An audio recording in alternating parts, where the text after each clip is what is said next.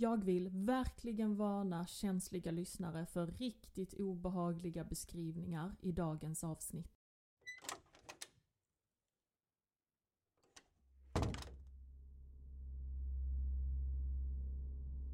Kvällen den 6 oktober kommer Magnus hem från ett träningspass på gymmet. Han sätter sig i soffan och tar fram mobilen. Som de flesta andra kvällar spenderar han lite tid med att slösurfa och scrollar igenom nyhetsflödet tills han fastnar för något som får hans mage att vrida sig. På skärmen ser han en grupp små barn som sitter vid ett bord och äter när en vuxen person iklädd en mask från skräckfilmen Scream rör sig runt bordet och gör obehagliga ljud och utfall mot de små barnen. Barnen gråter och skriker i panik. Vissna är så ledsna att deras små ansikten är alldeles röda. Magnus ser hur den vuxna personen fortsätter runt bordet tills klippet stängs av. Han läser texten i artikeln som hör till videon. Där står det att videon kommer från ett daghem och den vuxna personen är barnvårdare.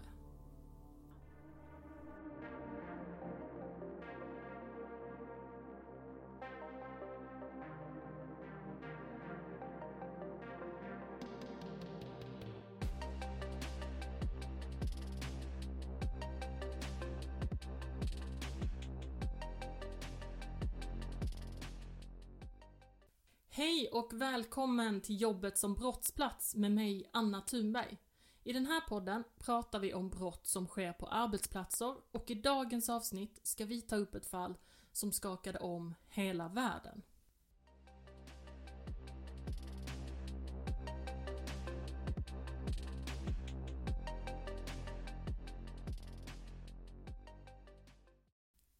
I utsatthet är en av de svåraste men samtidigt viktigaste ämnena att prata om. Till min hjälp i dagens avsnitt har jag därför tagit med en expert, förskolepedagogen, föreläsaren och barnrättskämpen Thomas Kaja. Varmt välkommen till jobbet som brottsplats Thomas. Tack Anna, tusen tack. Det här avsnittet handlar ju om vuxna som begår övergrepp på försvarslösa barn och jag vet att detta är något som du föreläser mycket om. Mm. Kan du berätta om din relation till utsatthet? Ja, alltså jag är 34 år idag och eh, jag är uppvuxen i en familj kantad av missbruk. Eh, vi hade pappas alkoholism, vi hade mammas medberoende. Eh, tystnadskulturen som rådde hemma och vi hade eh, försummelse. Det är något som jag idag kan sätta ord på men jag hade inte det då som liten känslomässig försummelse på många plan och eh, den utsattheten påverkade ju mig väldigt mycket för att man brukar säga att de första två, tre åren av ett barns liv är ju otroligt viktiga kring hur de primära anknytningspersonerna, hur de bemöter dig. Hur de bemöter dina behov som liten, liten bebis och litet barn. Och, och det i sig påverkar din identitet för resten av ditt liv i både dina vuxna relationer, yrkesmässiga relationer och i och med att jag har varit med om en utsatthet i hemmiljön så har jag också ett tränat öga på något sätt för att se andra barn som eh, är i utsatthet i förskolans värld. Utifrån din erfarenhet, vad är de vanligaste typerna eller vanligaste övergreppen som sker mot barn? Ja, alltså det är en ganska komplex fråga men eh, vi, vi har ju så många mörkertal i alla typer av övergrepp. Eh, men sexuella övergrepp mot barn är vanligare än många tror. Eh, I rapporten Våld mot barn, en nationell kartläggning, den släpptes 2023, så har stiftelsen Allmänna Barnhuset Barnhuset visat på att 28,6% av barnen har blivit utsatta för sexuella övergrepp. Det är nästintill ett av tre barn. Det är helt fruktansvärt. Det är helt galet alltså. Och, och var har det här skett? Alltså är det i förskola, skola, i hemmet? Eh, lite både och. Okay. Både i förskola, eh, framförallt hemmen. Mm. Eh, sen vet vi också att försummelse är något som det pratas alldeles för lite om. Det är också en typ av utsatthet eh, och ett övergrepp. Det är en form av barnmisshandel. Jag brukar säga att om våld är det som görs mot ett barn så är försummelse det som tas ifrån ett barn som barnet har rätt till. Det är en bra definition tycker jag av, av försummelse.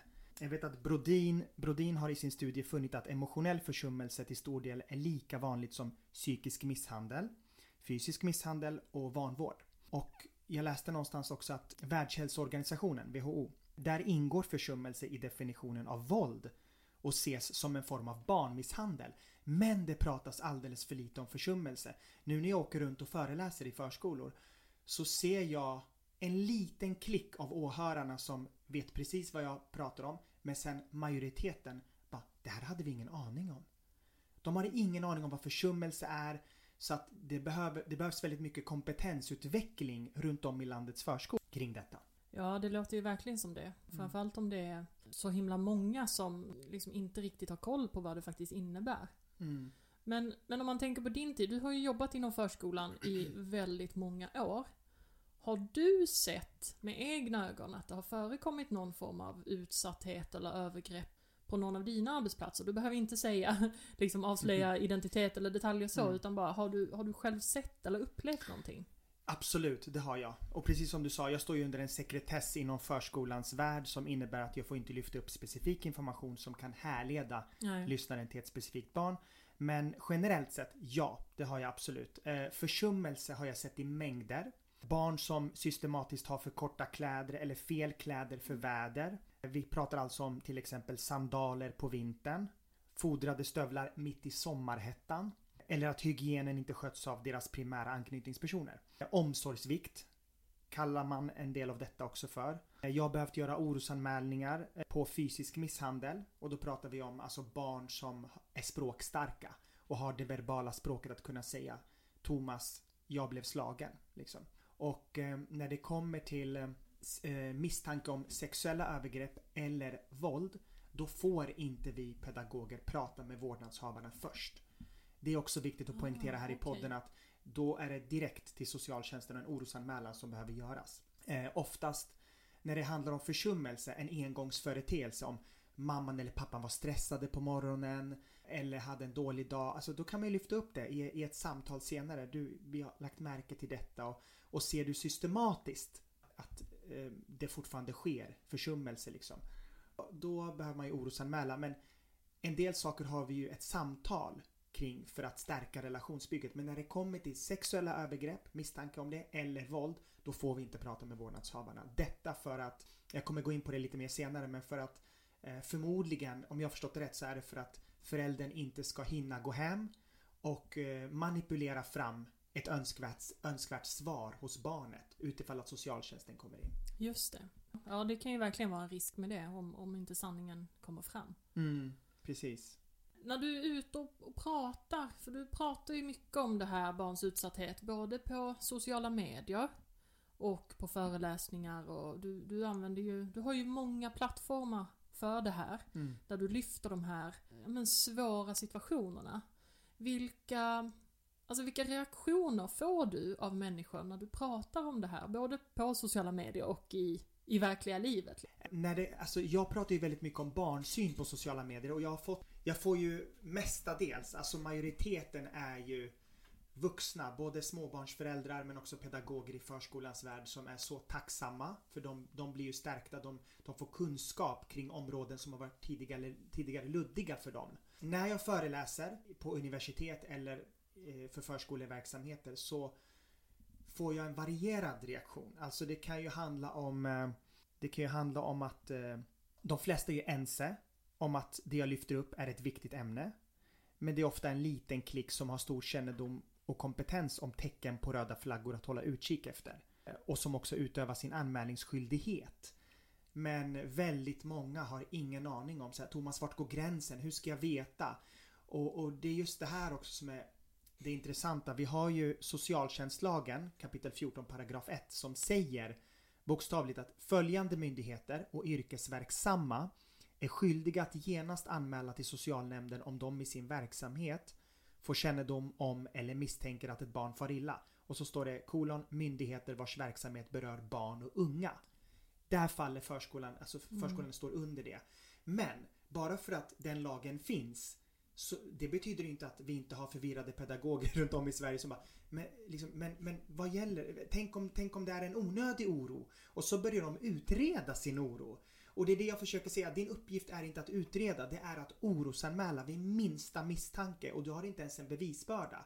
Sen ger du stafettpinnen vidare till socialtjänsten och de utreder. Men, men jag har fått, jag har fått eh, väldigt många olika reaktioner men framförallt är det bara positivt. Alltså de, de är glada över att jag kommer dit och ger dem verktyg. Jag brukar säga att idag är förskolans värld den plats där man nästan tävlar om digitala verktyg. Och jag bara så här, underbart, härligt men inte tävlande utan att man kompetensutvecklar kring digitala verktyg. Fantastiskt. Men vi har lite viktigare saker att prata om såsom utsatthet. Ja. Så att i en prioriteringslista 1 till 10 så tycker jag att barns utsatthet är i främsta ledet liksom. Mm. Och det är en sån digitaliseringshets i förskolans värld kan jag tycka. Och, och därför säger många pedagoger, nej men vi, vi, vi har jättebra adekvat kunskap om digitala verktyg men det är ingen som har berättat för oss om vilka röda flaggor. Man vet bara att man säger åt oss att vi har en anmälningsskyldighet men man hjälper oss inte och stöttar oss inte kring så här, vad är det jag ska hålla utkik efter? Praktiskt liksom, konkret. Så jag stöttar pedagoger att inte gaslighta sin oro utan orosanmäla. En annan respons jag kan få är pedagoger som blir motarbetade av rektorer i sin oro. Mm. Som blir ombedda att ja, men, vänta med en anmälan och prata med vårdnadshavare först. Men jag brukar säga att handlar oron om sexuella övergrepp eller våld, som jag sa tidigare, då får man inte prata med VH först. Ja, VH är ju benämning för vårdnadshavare. jag, tänkte, jag tänkte precis komma, vad, vad, vad är det? Vi Jag måste bara säga, ja men precis. Man är ju så ärrad, man Ja. är yrkesskadad så att vi har ju Jo, så många, det. Ja. men ska, systematiskt kvalitetsarbete. Ja. VH. Ja, Eh, precis, så vårdnadshavare. VH. ja. Men eh, ja, så det, det är den främsta responsen jag får är så här, tack. Tack för att du kommer hit och ut, kompetensutvecklar oss. Någonting som jag har funderat mycket på. Jag följer ju dig på sociala medier och eh, har gjort det väldigt länge och någonting som jag ser emellanåt är att du tar upp några av de mest fruktansvärda fallen. Mm. Alltså de mest fruktansvärda öden som vissa barn har fått möta. Ja. Och nu pratar jag om exempelvis fallet Bobby. Jag kommer inte gå in på detaljerna kring de fallen för de är så vidriga och fruktansvärda. Gabriel Fernandez. Ja. Eh, Gabriel, Mm, just det. Mm. Jag såg ju den dokumentären, den Mm. eh, kommer aldrig lämna mitt minne, eh, kan jag säga. Men mitt hjärta går ju sönder. Jag går sönder, jag mår dåligt, alltså så lång tid. Jag kan inte ens läsa om sånt här. För jag mår så fruktansvärt dåligt. Hur gör du som jobbar med att prata om? Du ser ju, du läser ju. Jag tänker du, du läser om de här fallen, du, du har ju tillgång till detaljer som Mm. få av oss andra klarar av att ens lyssna på eller läsa om. Hur gör du för att fortsätta det här viktiga arbetet och prata om det här hemska och inte gå under? Åh, jättebra fråga Anna. Jag... Eh, en bit av mig går faktiskt under. Mm. Eh, för det gör så jävla ont. Att läsa om, ja men låt oss säga till exempel eh, obduktionsprotokollet från Jara från Karlskrona. Där man läser om 255 benfrakturer, eller ja, frakturer i kroppen. Och eh, det finns ett par tillfällen under föreläsningen, vid vet två specifika tillfällen när jag inte kan hålla tillbaka mina tårar. Och en av dem är när det står i obduktionsprotokollet att man, har, man hittar, jag tror högst 3 cm oskadad hud på Jaras kropp. Bara 3 cm. Resten är ju bara enorma frakturer och ett tillfälle då, då läser jag att eh, man hittar, ni känner till säkert Håll Sverige Rent. Där man stöttar barnen i samhället att samla skräp. Och eh, då har väl förmodligen man i förskolan eller skolan jobbat tillsammans med Jara då med Håll Sverige Rent. Och då, eller så har hon fått någon typ av tatuering, låt låtsas tatuering. Håll Sverige Rent. Och i obduktionsprotokollet så står det att den var så skadad att man kunde knappt se tatueringen. Det, ah, det får mitt hjärta att vara, alltså gå i tusen bitar.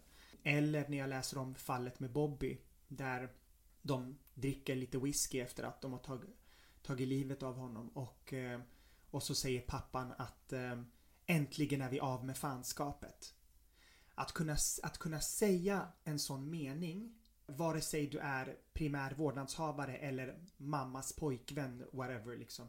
Bara att kunna säga så, det är så djävulskt, det är så mörkt. Ja, det är helt galet. Och det här är, det här är något jag då delger liksom i detalj till de jag föreläser till. Men som svar på din fråga, alltså min drivkraft till att kunna prata om detta är ju min egen barndom. Jag får en sorts upprättelse, lilla Thomas får en upprättelse av att aldrig vara tyst. Och hela tiden konstant lyfta upp lille Matteo, ett och ett halvt år, Jara, Bobby, vi har lilla hjärtat Esmeralda. Just det. Ehm, jag har valt då tre barn för att det, det är det gör ont, det gör jätteont att beskriva detta men jag vill på något sätt väcka hjärtat hos pedagogerna och få dem att inse allvaret i anmälningsskyldighet. Men sen också vad som får mig att orka Anna, det är nog min frustration över hålen i skyddsnätet runt ett barn idag. Det var någon socialsekreterare som sa att det görs för få orosanmälningar. Så i, idag lever vi i ett Sverige där det görs inte för många orosanmälningar utan för få. Det är det som är problemet. Vi har utredningar som avslutas utan beslut om insats trots behov av stöd. Vi har ibland ingen utredning alls som inleds. Omedelbara skyddsbedömningar som inte alltid görs. Man skärper lagstiftningen men man tillför inga resurser. Och en, en socialsekreterare som heter Linn Moser Hellen, hon sa så här. Det är ett lotteri. Vilken kommun bor jag i? Vilken stadsdel bor jag i? Vilken socialsekreterare råkar jag träffa? Precis så är det för varje barn som lever i utsatthet. Du, det är ingen likvärdighet runt om i landet. Du kan bemötas väldigt olika beroende på kommun, den socialsekreterare du får. Så att det, det gör mig frustrerad och vansinnig. Och sen är jag omgiven av fantastiska människor såsom Jessica Ivarsson som är ordförande för Brinn för barnen. Som jag också haft ett gott samarbete med kring en singel. Och eh, Maskrosbarn och Child X Foundation som jag också nyligen har eh, börjat ingå samarbete med. Men jag måste också vara ärlig med att säga att jag har nyligen varit med om en riktigt tuff svacka. Bland annat eftersom jag berättar i detalj om både min egen utsatthet och barnens utsatthet. Och det, det är o, jag vet, hur ska jag säga, det är omänskligt att kunna lyfta upp det här och inte bli påverkad. Alltså det är klart jag blir påverkad. Det är ju ett mörker som jag står där och gräver i.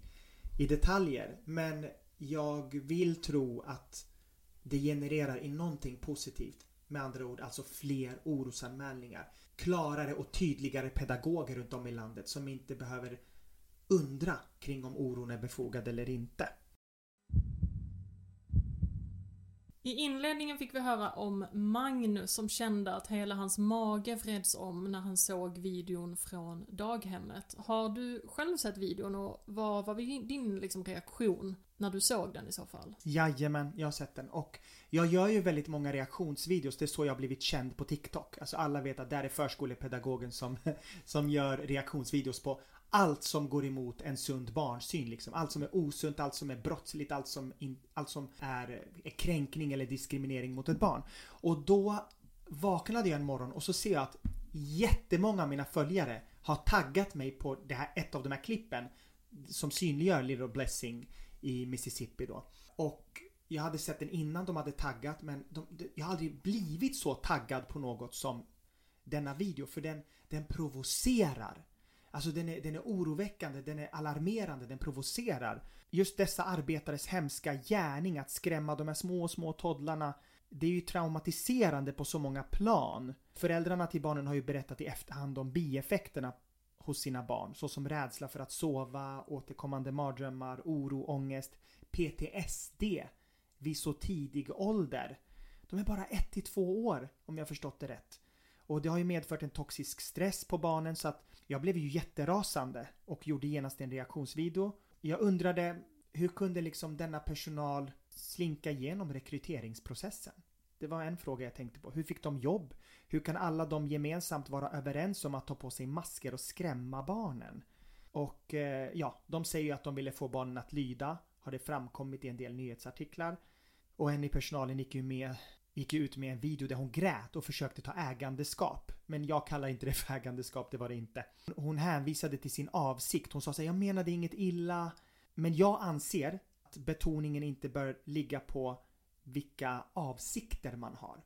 Du kan, du kan, nu, nu är det svårt att se att man kan ha välmening med att ta på sig en, en, en mask och skrämma 1-2-åringar. Men låt oss ponera att, att eh, hon, hon menade inget illa. Det, det skadar ju fortfarande barnen. Alltså hennes avsikt minskar ju inte smärtan och traumat för barnen. Nej. Så att, eh, ja, vi, pr vi pratar liksom inte om ett bu i två sekunder utan om en längre stund. Om, om, om man kollar noga på klippet så kan man se en längre stund, stund av att de springer efter barnen. De rör deras huvuden, skriker frenetiskt och gör ett så här läskigt ljud trots reaktionen från barnen. Så att barnen signalerar jag är rädd nu. Men de skiter i barnens kroppsspråk och fortsätter. Och det var hänsynslöst enligt min mening. Och då spelar inte avsikt någon roll. Barnen är ärrade för livet. Och eh, jag, jag vet en vän till mig som heter Dennis Teu som är advokat. Han sa så här att med tillämpning av svensk lag kapitel 4 paragraf 7 i brottsbalken då skulle man kunna klassa detta som ett fysiskt ofredande. För det står så här att den som fysiskt antastar någon annan eller utsätter någon annan för störande kontakter eller annat hänsynslöst agerande döms om gärningen är ägnad att kränka den utsattes frid på ett kännbart sätt för ofredande till böter eller fängelse i högst ett år. Så att, men nu, nu pratar vi om svensk lag. Det här skedde ju liksom utomlands. Ja, precis. Ja. Vi ska höra lite mer om det här fallet nu. I oktober 2022 spreds en video på internet där flera maskerade anställda på daghemmet Lill Blessings gick från klassrum till klassrum och skrek åt de så kallade dåliga barnen. På videon ses barn springa, skrika, gråta och gömma sig som ett resultat av övergreppen. Polisen Kevin Crook i Monroe County sa i ett pressmeddelande att fyra av kvinnorna står inför tre fall av grov barnmisshandel. En femte kvinna står åtalad för underlåtenhet att rapportera övergreppen. Kevin sa att de kan inte använda kroppsstraff så de tror, polisen alltså, att de använde masken för att försöka skrämma barnen att göra det de här kvinnorna ville att de skulle göra. Och om vi stannar där lite Thomas. Mm. Vad vet du om detta fallet? Ja men precis som du nämnde så har vi ju alltså fyra arbetare i detta daycare som tog på sig screammasker för att skrämma toddlarna till lydnad. Det är vad de själva har gått ut med. Och den femte personalen filmade en video som förmodligen då har kommit ut och blivit viral på TikTok. Och vi har ju fyra av de här i personalstyrkan fälldes ju för misdemeanor charges kallas det i USA. Eh, och det är ett brott som anses mindre i grad än övriga brott. Så du har felony mm. och sen har du misdemeanor.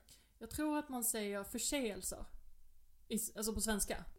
Jag vet också att eh, några av vårdnadshavarna till barnen har varit med i Dr. Phil i några intervjuer och eh, beskrivit de fasansfulla bieffekterna som deras barn har varit med om efter händelseförloppet. Med PTSD, svårt att sova. En mamma nämnde till och med att hon såg sin lilla dotter, åh oh, det är så tragiskt men hon såg sin lilla dotter hålla i en, en liten docka och så sa dottern till dockan så här att på engelska liksom att om du inte lyssnar då kommer den farliga masken efter dig. Det är ju ett sätt för barnet att bearbeta sitt trauma men det är så tragiskt att det har satt sig så djupt. Om vi tittar på de anställda då, alltså de här kvinnorna som gjorde det här. Vad tror du drev dem till att göra den här handlingen? Alltså så här, när det kommer till hela händelseförloppet så har vi ju, jag brukar kalla det för grenar och så har vi roten.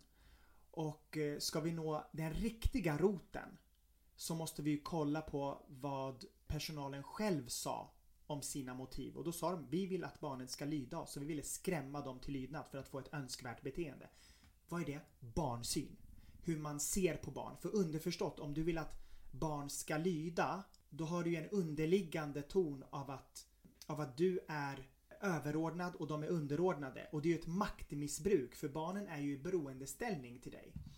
Så att eh, det har med barnsyn att göra och barnsynen, jag brukar säga det på alla mina föreläsningar. Hur du ser på barn avgör i sin tur hur du behandlar barn. Så förhållningssätt, vi kan, vi kan jobba hur mycket vi vill på förhållningssätt, alltså hur vi handlar och är mot barn. Men i grund och botten så mynnar det utifrån hur ser du på ett barn?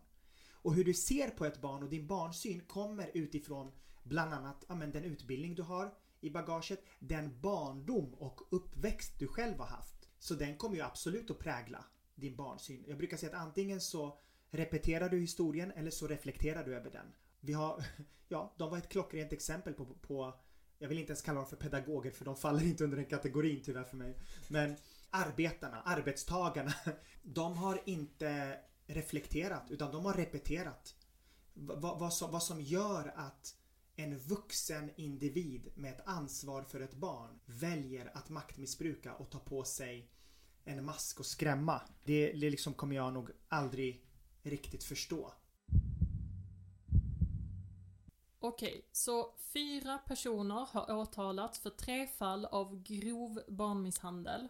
Den femte personen står åtalad för underlåtenhet att rapportera övergreppen. Vad är viktigt att tänka på om man ser att en kollega utsätter barn för övergrepp på arbetsplatsen? Jättebra fråga Anna. Jag har ett par steg jag brukar lyfta upp. Ehm, men i grund och botten så måste man arbeta bort tystnadskulturen som råder i förskolor idag. För det finns det, det kan jag garantera och lova. Jag möter ständigt pedagoger som eh, skriver till mig i DM utan att nämna givetvis eh, arbetsplatsens namn och kollegors namn. Men de beskriver generellt att det finns det, en rådande tystnadskultur på arbetsplatsen eh, som kan bero på att man hellre tar vuxenperspektivet före barnperspektivet. Att nej men min kollega menade väl inget illa och, och så ser man kollegan behandla barnet och kränka barnet illa systematiskt. Men ändå så, hur ska jag säga, eh, normaliserar man det. Det är en normaliseringsprocess som sker. Men det man ska göra om du är en pedagog och du ser din kollega kränka ett barn så behöver du nummer ett dokumentera händelsen, datum, tidpunkt, eh, händelseförloppet och sen ger du dokumentationen och berättar detta för rektorn.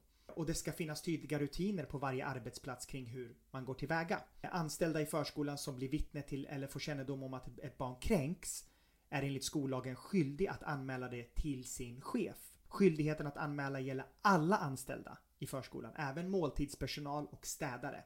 Och sen, rektorn måste i sin tur anmäla händelsen till huvudmannen som är skyldig att skyndsamt göra en utredning. Du kan som pedagog också anmäla detta direkt till Barn och elevombudet, BEO, som är en del av Skolinspektionen. Och anmälan går att göra anonymt, men det är bra om BEO kan kontakta den som anmält för att få mer uppgifter om vad som har hänt. För jag har förstått det som att BEO har ingen skyldighet att göra en utredning. Så allt, alla anmälningar de får in gör de ingen utredning på. Så att eh, de menar att om du har gått till rektorn och rektorn har gått till huvudman och ingen av dem tar detta vidare. Då kan du som komplement eller en kompletterande handling anmäla direkt till Barn och elevombudet då. Och BEO de utreder både om det skett en kränkning och om förskolan och huvudmannen har levt upp till skollagens krav för att motverka kränkningar. Syftet med en utredning är ju att ja, samla in tillräckligt med kunskap och information om situationen för att kunna bedöma om barnet har blivit utsatt och vilka åtgärder som måste sättas in för att få ett stopp på kränkningarna, verksamheten. Utredningens omfattning den anpassas efter den enskilda händelsen. Utredning och åtgärderna som sätts in ska leda till att kränkningarna upphör helt. Men vilka åtgärder som vidtas beror på vad utredningen kommer fram till. Och så här är det också att om kränkningen anses mycket allvarlig kan det göras en prövning av om personen är olämplig för sitt yrke. Det prövas då av lärarnas ansvarsnämnd som bara utreder legitimerad personal. Alltså för legitimerade förskollärare, så inte barnskötare. Så det här är vägen att gå. Dokumentera, ge det till rektor. Rektorn behöver i sin tur ge detta till huvudman som skyndsamt behöver utreda.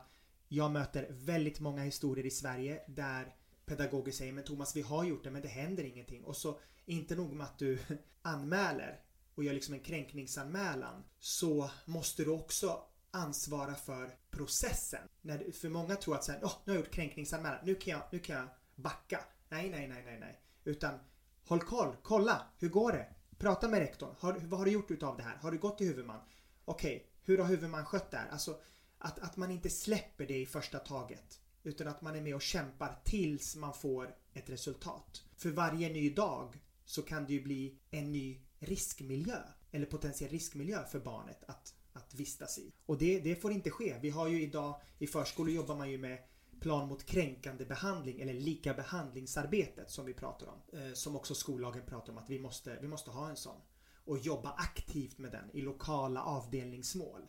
Hur gör vi för att, eh, för att inget barn ska bli kränkt och inget barn ska bli diskriminerat? Men det är vägen. Det är, det, det är vägen liksom för att, för att göra en kränkningsanmälan. Och jag vet att det ska finnas tydliga rutiner på varje arbetsplats. Jag vet ju inte alls, alltså jag, jag, jag är tyvärr inte Statistiska centralbyrån. Jag vet inte hur processen går till i varje kommun eller om det skiljer sig hos privata och kommunala förskolor. Men, men det, det bör finnas tydliga rutiner och gör det inte det då måste man lyfta upp det så att det sker, så att det finns. Mm. För det är ett förebyggande arbete också. Jag tycker vi i Sverige, det är så mycket åtgärdande. Vi är så mycket på åtgärdande men vi glömmer förebyggande. Ja. Eh, ja. Kan du ge några exempel på eh, övergrepp eller kränkningar mot barn? Alltså som kan förekomma. Vad, vad räknas som en kränkning eller ett övergrepp i förskolan? Ja, alltså övergrepp kan vara både fysiska och icke-fysiska. Vi har ju exempel på sexuella övergrepp. Det kan vara att eh, utsätta barn för fullbordade samlag. Att en vuxen berör barnets könsorgan.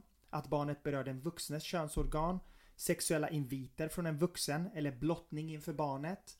Nu pratar vi inte då om bara kränkningar, alltså vi pratar om att det, eh, allt allt som kan ha med, med övergrepp, för övergrepp är ju så stort begrepp. Och förskolan står ju under styrdokument. Vi har ju barnkonventionen som är en lag. Vi har diskrimineringslagen. Vi har en bit ur socialtjänstlagen. Vi har skollagen och vi har läroplan för förskolan som är en förordning. Och så har vi Skolinspektionen och BEO som gått ut med fall som de klassat som kränkningar. Eller en typ av övergrepp. Så vi har sexuella övergrepp, hot och våld, misshandel, försummelse, det är ju en form av övergrepp. Kränkningar är en typ av övergrepp på barnets värdighet, skulle jag säga. Och kränkningar, det kan äga rum vid enstaka tillfällen. Eller vara systematiska, återkommande. De kan vara synliga och handfasta. Eller så kan de vara dolda, subtila. Det är de här dolda och subtila som många pedagoger bara, jag vet inte riktigt om min, om min kollega kränkte barnet eller inte.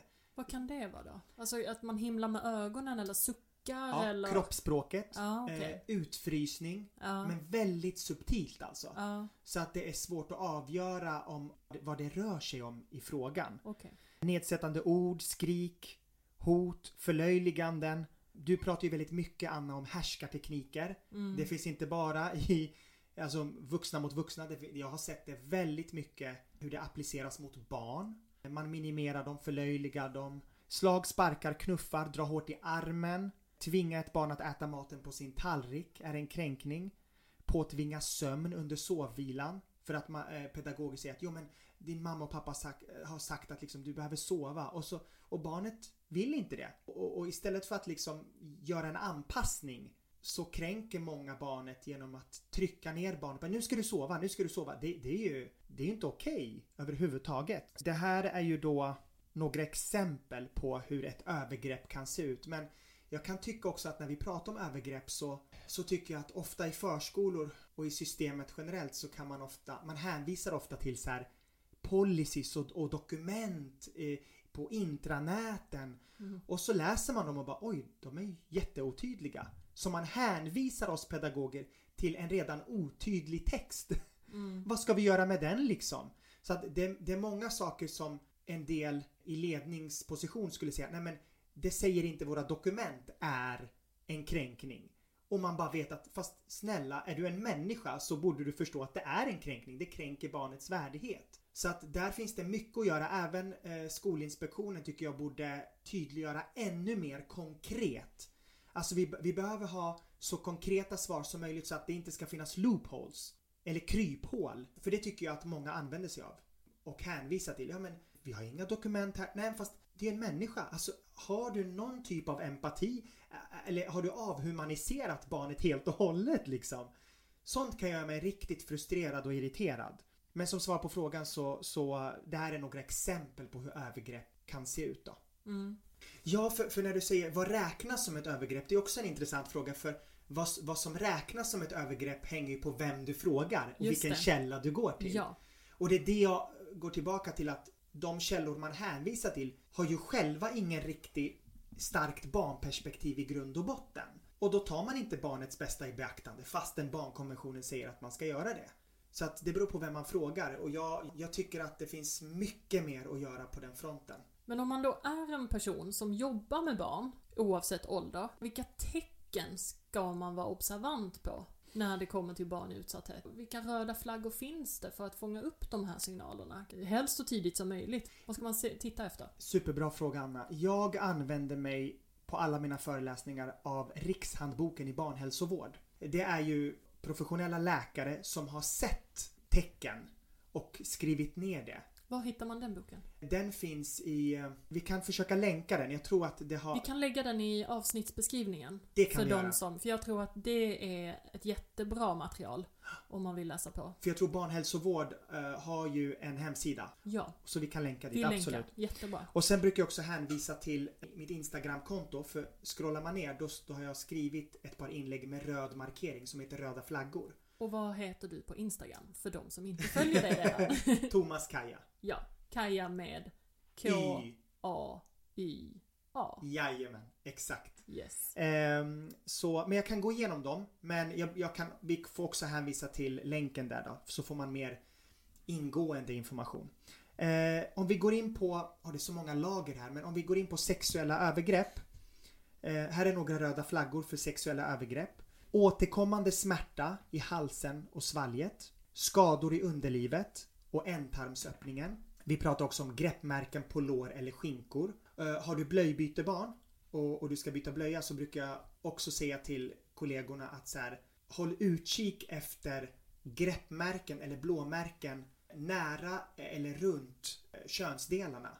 För det där är platser som är högst avvikande att ha blåmärken på. Eller greppmärken. Eh, infektioner i underlivet. Eh, eller barn som utför sexuella övergrepp på andra barn. För någonstans kan ju de ha snappat upp det i sin egen hemmiljö av att själva ha varit lidit offer. Och nu repeterar de det vidare. Min vän Ulla Torslund som är legitimerad psykolog pratar mycket om att man behöver göra riskbedömningar och se prematur sexualisering, tror jag det heter. Där man ser att oj, barnets sexualitet är väldigt avvikande för åldern. Så det är några av de sexuella eh, övergreppens röda flaggor och tecken. Sen har vi fysisk misshandel. Då pratar vi om blåmärken, speciellt på små barn. Det här är viktigt. Små barn som inte kan förflytta sig. Tänk er att spädbarn som ligger på rygg. Det barnet kan ju, alltså hur ska det barnet någonsin kunna krocka med en, ett bord eller liksom saker runt omkring. Så att, och då är det högst ovanligt att ha blåmärken på kroppen när man inte ens kan röra kroppen. När,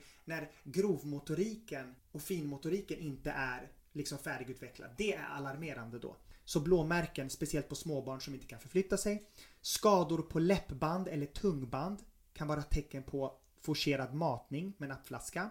Skelettskador, revbensfrakturer och skulderbladsfrakturer bland annat. Eh, avsiktligt våld genom kraftig skakning. Du kanske inte ser skakningen för skakningen har föräldern gjort mot barnet hemma. Men du kan, om det finns blödningar innanför skallbenet och det ger symptom så behöver man hålla koll på det. Brännskador vid het vätska. Det finns föräldrar i Sverige idag som bränner barnets rumpa i hett vatten för att barnet har kissat på sig. Och som ett straff då så, så bränner man barnet i het vätska. Brännskador med cigarett. Det vill jag också säga att jag har ofta en bild när jag föreläser, eller tre bilder, för att visa att brännskador med cigarett, för många pedagoger bara Men hur ska jag veta att det inte är höstblåsor eller vattkoppor eller, eller svinkoppor? Då har jag bild som visar hur de här fyra skiljer sig från varandra. Kan inte jag få låna de bilderna och lägga upp på jobbet som brottsplats Instagramkontot? För Mm. det tror jag är någonting som många lyssnare hade varit intresserade av att se. Där lägger jag upp lite så här, Eh, lite inlägg som är kopplat till de här olika avsnitten. Absolut, absolut. Eh, och, och där kan man också se att brännskadorna med cigaretten Det är ju inga, det är inga bubblor riktigt utan det är ju som en eh, eh vad, vad heter det, urgröpning. Att det, det är gult. Och så är det som en liten vulkan, alltså det, det är en höjning runt och så är det en, ett djup under. Medan svinkoppor, höstblåsor och vattkoppor ser ju väldigt annorlunda ut. Både i den röda färgen och i liksom runt själva såret och skorpan. Bitmärken är också något att hålla koll på kring fysisk misshandel. Och då brukar en del pedagoger säga men, men Thomas, en del av de här barnen har ju syskon hemma, de kanske biter varandra. Det kan ju vara allt möjligt. Och då brukar jag säga, så kan det vara. Men om ni märker av flera bitmärken och vårdnadshavarna visar att de inte har någon koll på vad som händer i hemmiljön eller att, att ena syskonet har bitit det andra. Eller att man liksom, att som vårdnadshavare bemöta detta med oj, jag hade ingen aning. Eh, förutsatt att du vet att det här bitmärket inte har skett i förskolan då utan låt oss ponera att det har skett i hemmiljön. Och att, att sånt sker eh, bland syskon, det, det kan hända. Men om vårdnadshavarna inte har någon koll på detta, det är också oroväckande. Så det är därför relationsbygget med hemmiljön är så viktigt för att få insyn hur vårdnadshavarna tänker och vad som sker i hemmiljön. Här kommer några röda flaggor för det som är nästan det svåraste för ett otränat öga att se och det är ju emotionell försummelse.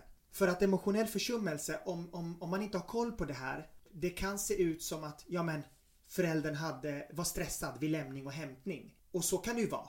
Och det är ju fullt naturligt. En stressad hektisk vardag för mamma eller pappa och barnet och men emotionell försummelse, jag brukar, jag brukar säga att all försummelse, håll koll på om den sker systematiskt. Inte bara en gång utan systematiskt. Eh, att bli lämnad ensam för ofta och för länge. Att barnet systematiskt blir ignorerat av sin förälder. Till exempel om barnet säger Mamma, mamma, pappa, vänta nu, jag, prat, jag pratar med din pedagog, eller vänta nu. Flera gånger och barnet inte får bli hörd.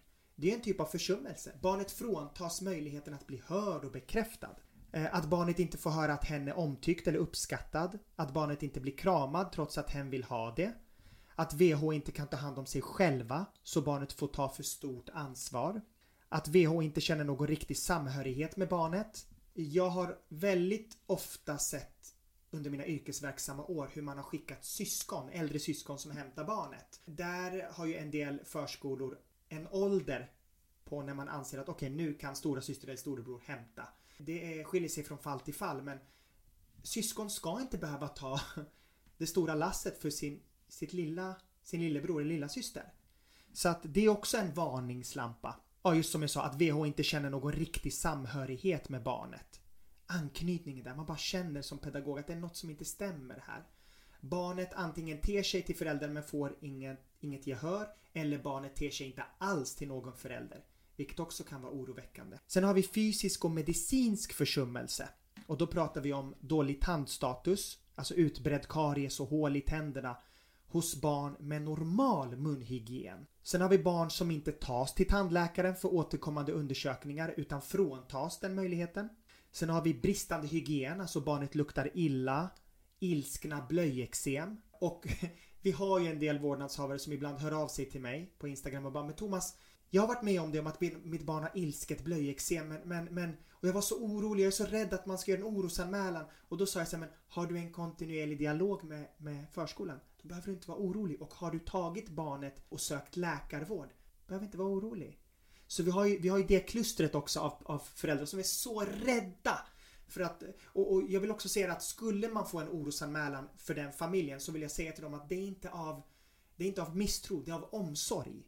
Det är bara av omsorg man gör en orosanmälan för barnet och för, för, liksom, för att familjen ska få stödinsatser som behövs. Och sen har vi också Olämplig klädsel för årstider. Som jag sa tidigare, sandaler under vintertid. Eh, och du har lyft upp det här att hej, ditt barn behöver verkligen varma skor. På en förskola jag jobbade på, då hade vi något som heter tagehylla. Ta, ta och ge. Ah, Tage, ja, tagehylla, ta och ge. Så det innebär att eh, de kläder som ingen har hämtat på flera år, de tvättar vi. Och sen så lägger vi in dem, vi sorterar in dem i en hylla och det är för de familjer som kanske har det ekonomiskt svårt och tufft och eh, förskolan kanske är belägen i ett socioekonomiskt utsatt område. Utan att dra skam eller skuld över dem så kan man ta med dem till det här tagelskåpet. Behöver ni någonting? Vi kan gå om, om, om, om mamman och pappan inte har hämtat. Men det, fortfarande så behöver man göra en orosanmälan. Så att man kan inte, man kan inte plåstra om eller så här, täppa till hålen bara. Utan ser man att det här är systematiskt då är det ju fantastiskt med en orosanmälan för då kan socialtjänsten se att oj, de här har det verkligen tufft ekonomiskt. Även om förskolan stöttar med extra kläder och sådär. Men här behöver vi en insats, liksom stödinsats. Om barnet kommer hungrigt till förskolan ofta eller försämring i samband med längre ledighet. Det är Jag tror att jag har täckt ganska många röda flaggor här att hålla utkik efter. Så Thomas, låt oss avsluta det här avsnitt med det absolut viktigaste. Och det är barnperspektivet. Mm. Om jag är ett barn som sitter runt det här bordet, jag äter min lunch och så kommer det in en person, en vuxen person iklädd en screammask och gör utfall mot mig och skriker mot mig så att jag känner mig fullständigt panikslagen. Vad utsätts jag för? Vad känner jag då när jag är det här lilla barnet? Oj, väldigt mycket. Om vi utgår ifrån barnperspektivet eh, och framförallt barns perspektiv, hur de Ja, uppfattar det är det hela... jag tänker. Vad, vad känner den här lilla, Ja. lilla personen? Ja, alltså jag, jag, jag kan tänka mig, jag kan knappt ana men bara tänka mig att de här 1-2-åringarna ser att den här omgivningen som jag ska ha tillit till bara raserar totalt. Alltså de som ska, som ska vara en, hur ska jag säga, de ska vara en trygghet och ett beskydd för mig i denna omgivning som tog tid för mig under inskolningen att lära känna och, och, och det, det här var ju främlingar som mamma och pappa lämnade mig till. Och jag började få en tillit för dem och nu tar, tar de på sig masker och skrämmer mig. Alltså det måste ju vara fasansfullt för ett barn som inte har i närheten av de liksom verktyg kanske en vuxen skulle kunna ha. Men oberoende så, alltså larmsystemet går ju igång i hela kroppen. Så är det ju. Vi har ju Hur detta, påverkar det här barnen? det kommer påverka barnen hela framtiden. Alltså vi har ju något som kallas för toxisk stress. Det är alltså långvarig aktivering av kroppens stress och svarsystem. Och de badar i stresshormoner. Alltså tänk dig, du som vuxen, tänk dig om du blundar och så tänker du på den mest stressade stunden du någonsin har haft i din vardag. Tänk dig den gånger hundra. Alltså stresshormonerna, du bara badar i dem. Det finns inget stopp. Du kommer inte hem och sover och bara kroppen får lugna ner sig utan de är i stresspåslag konstant. Och det kallas för en toxisk stress när stressen blir väldigt, väldigt negativ för de här barnen efter att händelseförloppet redan har ägt rum. Vi har amygdala, vilket är larmsystemet i hjärnan och den ropar ju överlevnad, överlevnad. Så adrenalin och kortisol åker igenom hela kroppen. Och eh, det finns inget i barnet som tänker att nej men det är bara min, pe- min, liksom, min pedagog eller min, min daycare worker bakom den här masken. Allt kommer att bli bra. Det är ingen chans. Hela kroppen är ju i överlevnadsmode. Fight, flight, freeze mode. Sen har vi prefrontal cortex som är den delen av hjärnan som använder logik och resonerande. Att, aha, okej, nu skriker någon och försöker skrämma mig. Då ska jag hålla mig lugn eller nu ska jag springa härifrån och liksom eller gå med långsam. Allt det här resonerandet, den biten stängs av totalt. Den fungerar ju inte. Och sen har du hippocampus som är den delen av hjärnan som kontrollerar minnet. Och den lagrar rädslan kopplat till händelsen som ett minne i arkivet. Och rädslan finns därför kvar långt efter att händelsen redan har ägt rum. Och sen, ska vi kan prata om så mycket mer. Vi har ju misstro till sin omgivning. Alltså, de första två åren, de tre, tre första åren brukar många psykologer säga är de basala anknytningsåren. Och när du, när du ser att min omgivning skrämmer skiten ur mig, då växer man upp och tänker, vem kan jag då lita på? Mm, just det. Vem kan jag då lita på? Så att på grund av fem, ursäkta mig, idioter som arbetar på, på det, detta ställe så har de ärrat barnen för livet i barnens framtida vuxna relationer. Vare sig det är vänskap, kärleksrelationer. Alltså det, det är ju så, de har ju fått ett bagage på grund av någon som ville ta på sig en mask och skrämma barnen till lydnad. Alltså det är sådana men så det finns inte. Men hur kan man bemöta ett barn som har blivit utsatt för någon form av övergrepp då? Alltså det finns ju både åtgärdande handlingar och sen förebyggande för att detta inte ska inträffa igen. Åtgärdande är ju Det är så tragiskt Anna för man hoppas ju att om en är en idiot ska inte de fyra övriga vara idioter. Nu var alla idioter på en och samma plats. Så det fanns ju ingen skyddsfaktor i deras omgivning utan det var ju, det var ju alla som betedde sig som Alltså så oproffsigt och brottsligt och, och det finns inte ord för det så att i normala fall behöver ju någon åt, alltså göra en åtgärd genom att Tjopp, vi måste fort rädda barnen, stoppa de, de här kränkningarna och, och sk skrämseltaktiken liksom. Men nu var det ingen som gjorde det så att det gör ju bara det hela ännu värre. Åtgärdande, då skulle jag säga sära på barnen och de här, de här arbetarna. Att de här arbetarna aldrig får jobba i förskolan någon mer. Och eh, har de någon, någon, typ av legitimation, att den fråntas dem. Oh, när, det, när det kommer till upprättelse för ett barn, det är så svårt att avgöra vad är, vad är upprättelse nog för ett barn. Men jag skulle säga när de här barnen växer upp då hoppas jag att de kan titta tillbaka i ledet och känna att bra. Några åtgärder vidtogs i alla fall vid det läget. Om det var kompensatoriska åtgärder att eh, familjen fick pengar för, för det som hände gentemot barnet eller om det var en polisanmälan som gjordes eller att de, eh, de fick sona sitt straff.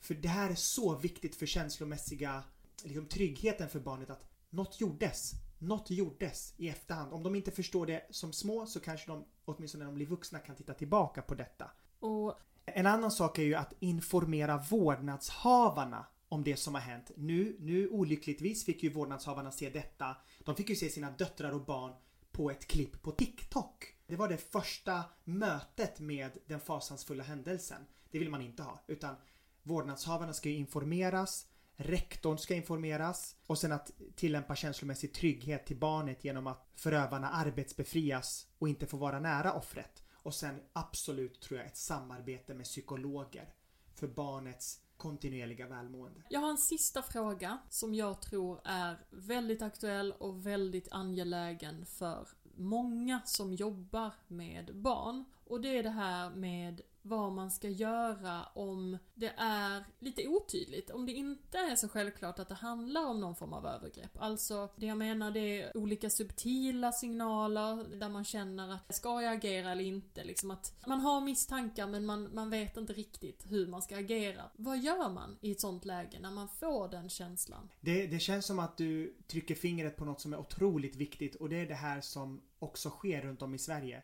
Pedagoger tänker precis så som du säger nu. De tänker att, men tänk om. Och så börjar de gaslighta, börja sig själva, börja fundera. Hitta ursäkter. Hitta ursäkter, loopholes, alltså. Och det är inte att de vill hitta loopholes. Ibland bara, de har inte kompetensen kring vad är det som gäller. Men vår uppgift är inte att utreda. Vår uppgift är att anmäla.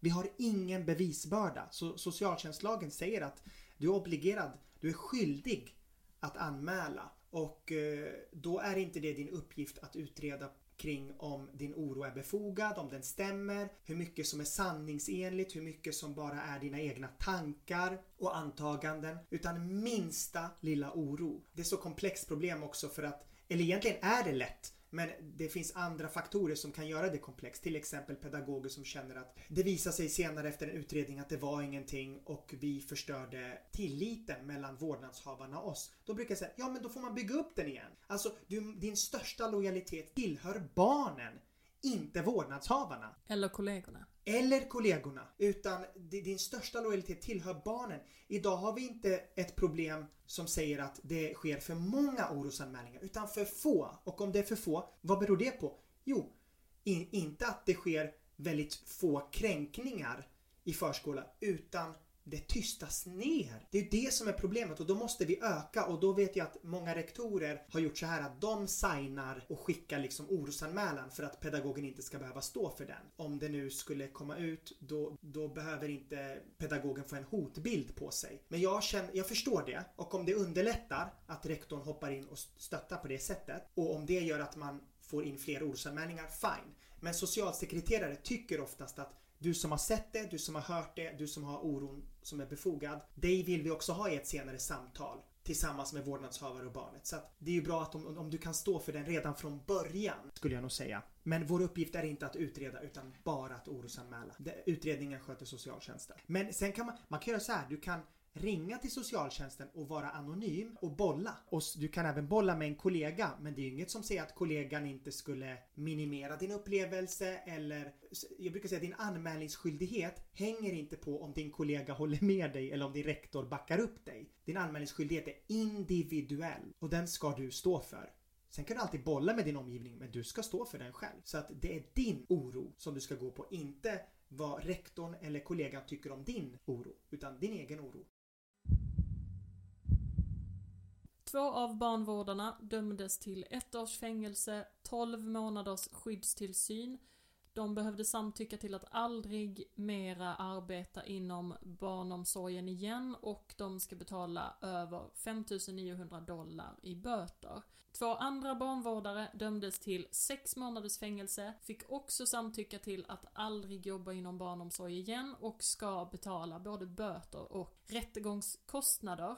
Den femte barnvårdarens rättegång har skjutits fram till ett senare datum. Alla barnvårdarna blev avskedade.